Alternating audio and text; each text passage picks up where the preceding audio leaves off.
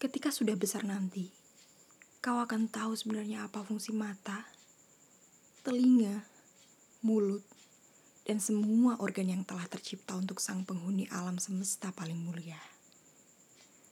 Izinkan aku menyampaikan fungsi beberapa organ tubuh manusia secara antagonis. Yang notabene para penghuninya bersembunyi di balik pahatan topeng kayu mirip kulit dengan lekat.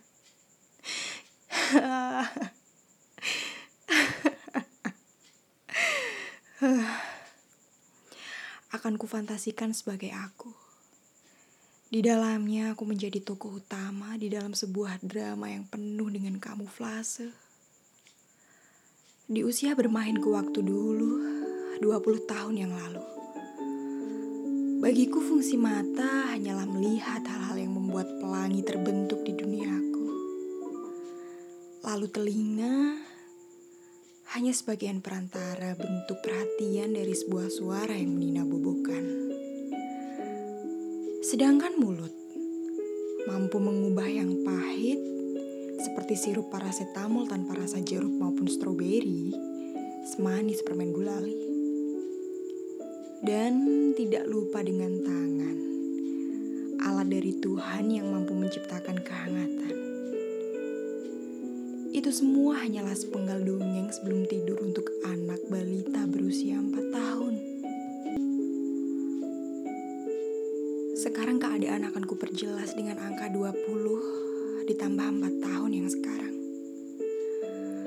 Akan kubongkar kecacatan di balik kesempurnaan dari organ tersebut. Mata.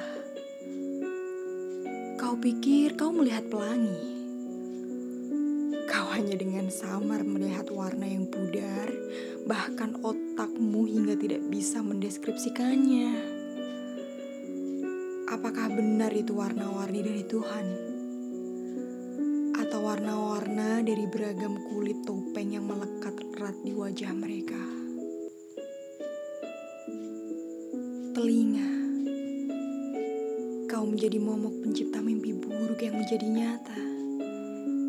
Bila kau salah dalam mendengar kisah-kisah putri salju yang berujung petaka. Mulut. Bagian terindah dari tombol sistem kontrol yang ada pada remote robot. Lebih dari paracetamol tanpa rasa. Dengan dosis tiga kali satu hari.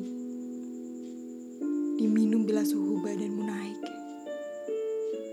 Epinefrin aku lebih suka pemacu denyut jantung manusia yang akan melewati gerbang di luar kuasanya. Lalu Tuhan masih mengampuninya dengan epinefrin. Satu sampai dua ampul dalam 5 cc tanpa pengencer.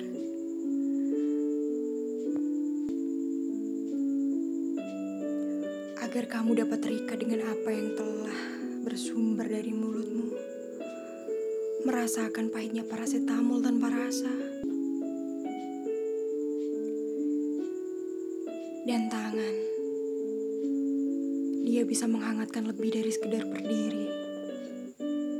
Satu sampai dua meter di sekeliling api unggun. Bahkan lebih hangat ketika dia mendorongmu pada titik api yang sedang berkobar.